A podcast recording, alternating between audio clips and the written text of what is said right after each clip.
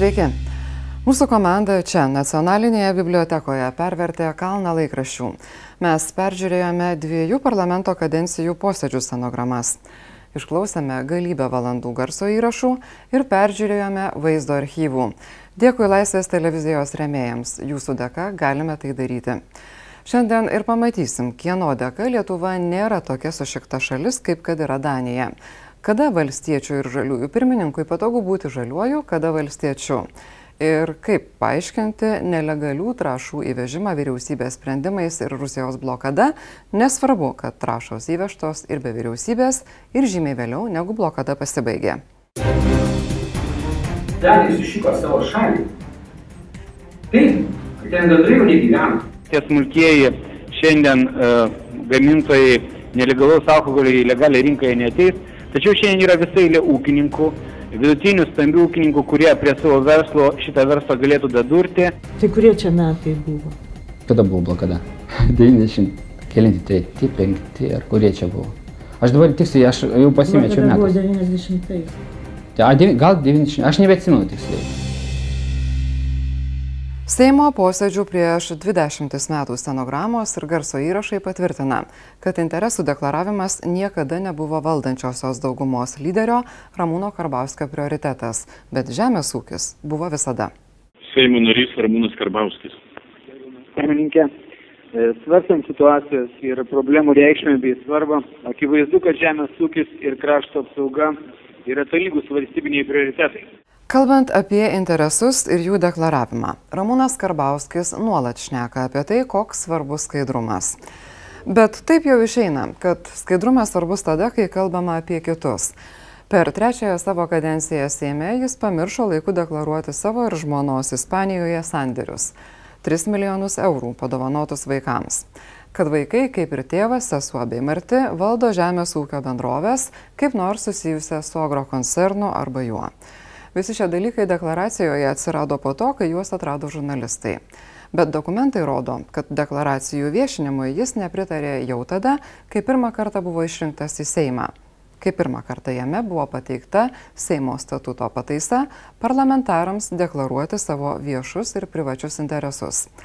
Jau tuomet Ramūnas Karbauskis siekė, kad tos deklaracijos nebūtų viešos ir kalbėjo, kad jos nėra viešos senas demokratijos tradicijas turinčiose šalise. Iš esmės pritariu e, pareigūnų turtinių ir finansinių interesų deklaravimo būtinumui. Tačiau mane neramina tokių deklaracijų paskelbimo tvarka. Šiame Seime ir vyriausybei yra žmonių, kurie savo uh, legalių darbų yra sukūrę pastovius pajamų šaltinius per dividendus įmonėse ir depozitus bankuose. Manau, kad jų nebaugina deklaravimo tvarka bei deklaracijų turinys, tačiau šių duomenų paskelbimas tokioje visuomenėje, kurioje e, nusikalstamos struktūros gali kontroliuoti privatų piliečių gyvenimą, yra rizikingas. Siūlyčiau, kad etikos ir procedūrų komisija pareigūnai pageidaujant galėtų nuspręsti neskelbti deklaracijų turinio, skelbiant tik deklaravimo faktą. Nepriemus tokio papildymo norėčiau paklausti, kuris iš, Seim, kuris iš Seimo narių arba iš šios vadovų galėtų prisimti asmeninę atsakomybę už šių asmenų saugumą bei jų šeimų saugumą. Kodėl minėtų nuostatų nėra Kanados, Airijos, Australijos, JAV, Vokietijos analogiškos teisės aktuose, komentuoti nesimu, nes ir taip visiems aišku. Pirmosios kadencijos Seime Ramūnas Karbauskis kalbėdavo retai, antrosios irgi. Kartais per visą sesiją nepasakydavo nie žodžio. Kalbėdavo dažniausiai tada, kai buvo svarstomi įstatymai, kaip nors paliesiantys žemės ūkio bendrovių veiklą per žemės įsigijimą, akcizus kūrui ar žemės ūkio finansavimo programas. Jis aktyviai palaikė žemės pardavimo apribojimus, sakydamas, kad jie naudingi ūkininkams. Faktas, kad pats su tėvu tuo metu supirkinėjo žemės, netrodė interesų painiojimas. Ir kalbama apie tą supirkinėjimą, kaip ir interesų painiojimą, jau beveik 20 metų. Ponas Karbauskis yra kategoriškai prieš žemės pardavimą užsieniečiams. Taip. E, Mano turimais duomenimis e, ponas Karbauskis ir jo tėvelis yra labai aktyviai supirkinėję žemę ir šiuo metu turi, na, sakykim taip, nenorėčiau, kaip sakyt, būti Bet ką jūs siūlytumėte atimti iš pono Karbauskio ką? duomenimis, Bet turi gana didelį kiekį žemės, e, kurį superka iš Lietuvos e, piliečių. Pone Viktorai, tai ką jūs siūlote? Ką, ką jūs siūlote daryti su ponu Karbauskiu? toliau supirkinėti už tokią, na, sakykim, juokingą kainą e, žemę, todėl kad jeigu jisai prisipažintų atvirai pagal turimas jo turto deklaracijas, už kiek jisai pirkęs tą žemę, tai yra labai pigu. Jūs manote, kad čia yra interesų konfliktas? Privačių ir Aš manau, kad tai yra ryškus konfliktas, to, kad bet, e, bet kuriam užsieniečiui šita kaina pasirodytų tiesiog juokinga. kiekvienas ūkininkas. Ir aš manau, kad nu, gali čia stebint šitas, šitas dalykas, kad žemę ūkininkas perka tik tai miesto žmogų, kuris į žemės nedirba. Bet esmė ne tame. Esmė klausimas, kodėl aš, pavyzdžiui, esu už tai, kad žemės užsieniečiai šiandien negalėtų įsigyti. Ne, klausimas yra tai, už tai, kad jūs turite žemės ir kartu svarstote klausimus susijusius su žemės nusavybė. aš atstovauju 40 tūkstančių savo rinkėjų, kurių tarp yra 30 tūkstančių žemdirbių. Galite atstovauti ir savo. Ne, tai šia, šią prasme, aš žinau, kad yra ruošiamas įstatymo projektas, kuris mane apribos galimybę, man apribos galimybę pirkti žemę iki 300 hektarų, aš tą jau viršiju. Tai tokiu atveju aš pasisakau už tai, tai aš už tai, kad apribot galimybę fiziniam asmeniui pirkti žemę. Tokiu būdu man tas bus irgi apribota. Aš šiuo atveju šneku apie Lietuvo žemdirbius ir kada šiandien, pavyzdžiui, Sąjunga skelbia visiškai ne, tokius siūlymus, kurie mums diskriminaciniai Lietuvai. Bet galbūt paprašiau nusišalinti nuo sprendimo prieimimo tiesiog. Jeigu kokio? turite interesų, pavyzdžiui, žemės ūkio rinkoje ir tiesiog pasitraukti Ne, nuo, tai, tai išėtų nuo taip, medikai turėtų dirbti e, kaimo reikalų komitete, e, kaimo reikalų komiteto žmonės turėtų dirbti, medik, e, sakykim, sveikatos apsaugos komitete, taip išeitų pagal logiką. Pats Karbauskis beje trumpą laiką yra buvęs Seimo sveikatos reikalų komiteto nariu. Tačiau abiejose pirmosiose kadencijose jis mielai praleisdavo posėdžius ir dėl to būdavo svarstomas etikos komisijoje. Pats aiškino, kad atvykti į darbą, kuriam jį pasirinko rinkėjai, trukdo darbas su rinkėjais. Seimo narys Sysas.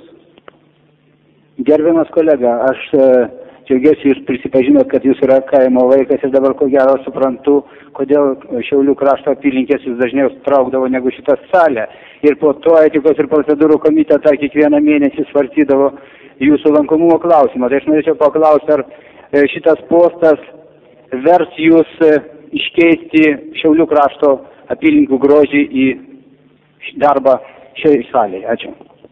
Ačiū už klausimą, bet aš pasakysiu viską įmanoma suspėti. Galbūt e, atsakymų į tą klausimą aš paaiškinsiu kuriems kolegos, kurie nėra dirbę praeitam seime, kad iš tikrųjų mane labai dažnai linksniuodavo už tai, kad aš praleisdavau vieną ar kitą posėdį, aš e, tas pravaištas dariau ne sąskaitą, e, sakykim, kažkokių tai ekskursijos sąskaitą darbo savo apygardoje.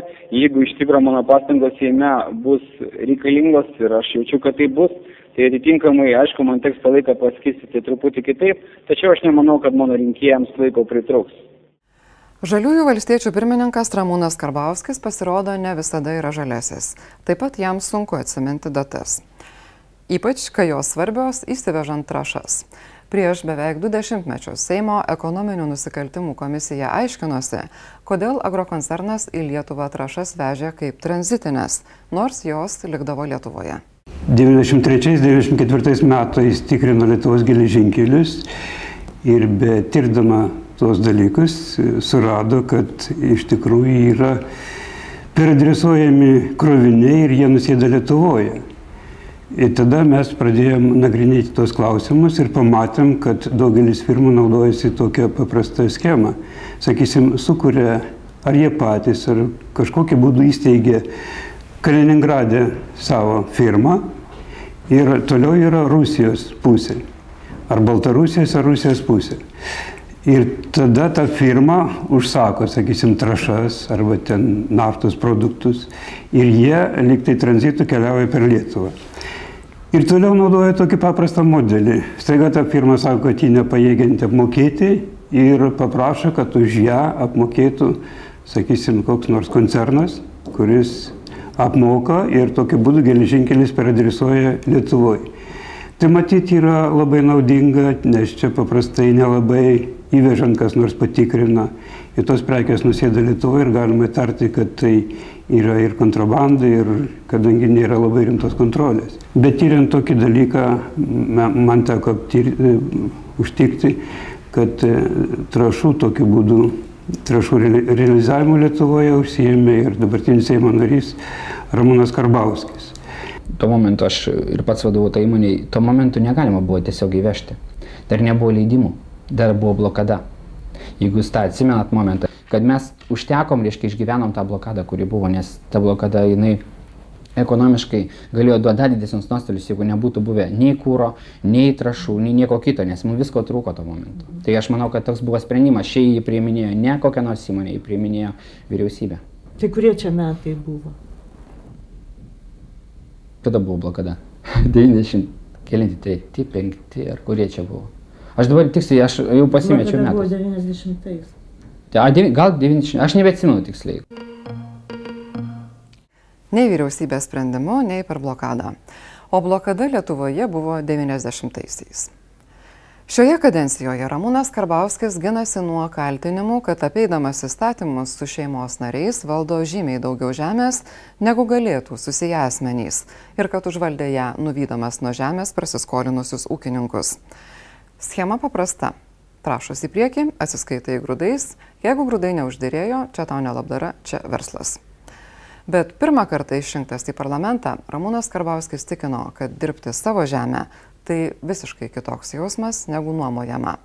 Tačiau domėjosi ir tuo, ar vyriausybės programos punktas remti ne tik žemės ūkį, bet ir ūkininkus nėra programos netitinkanti klaida. Seimo narys Karbauskis.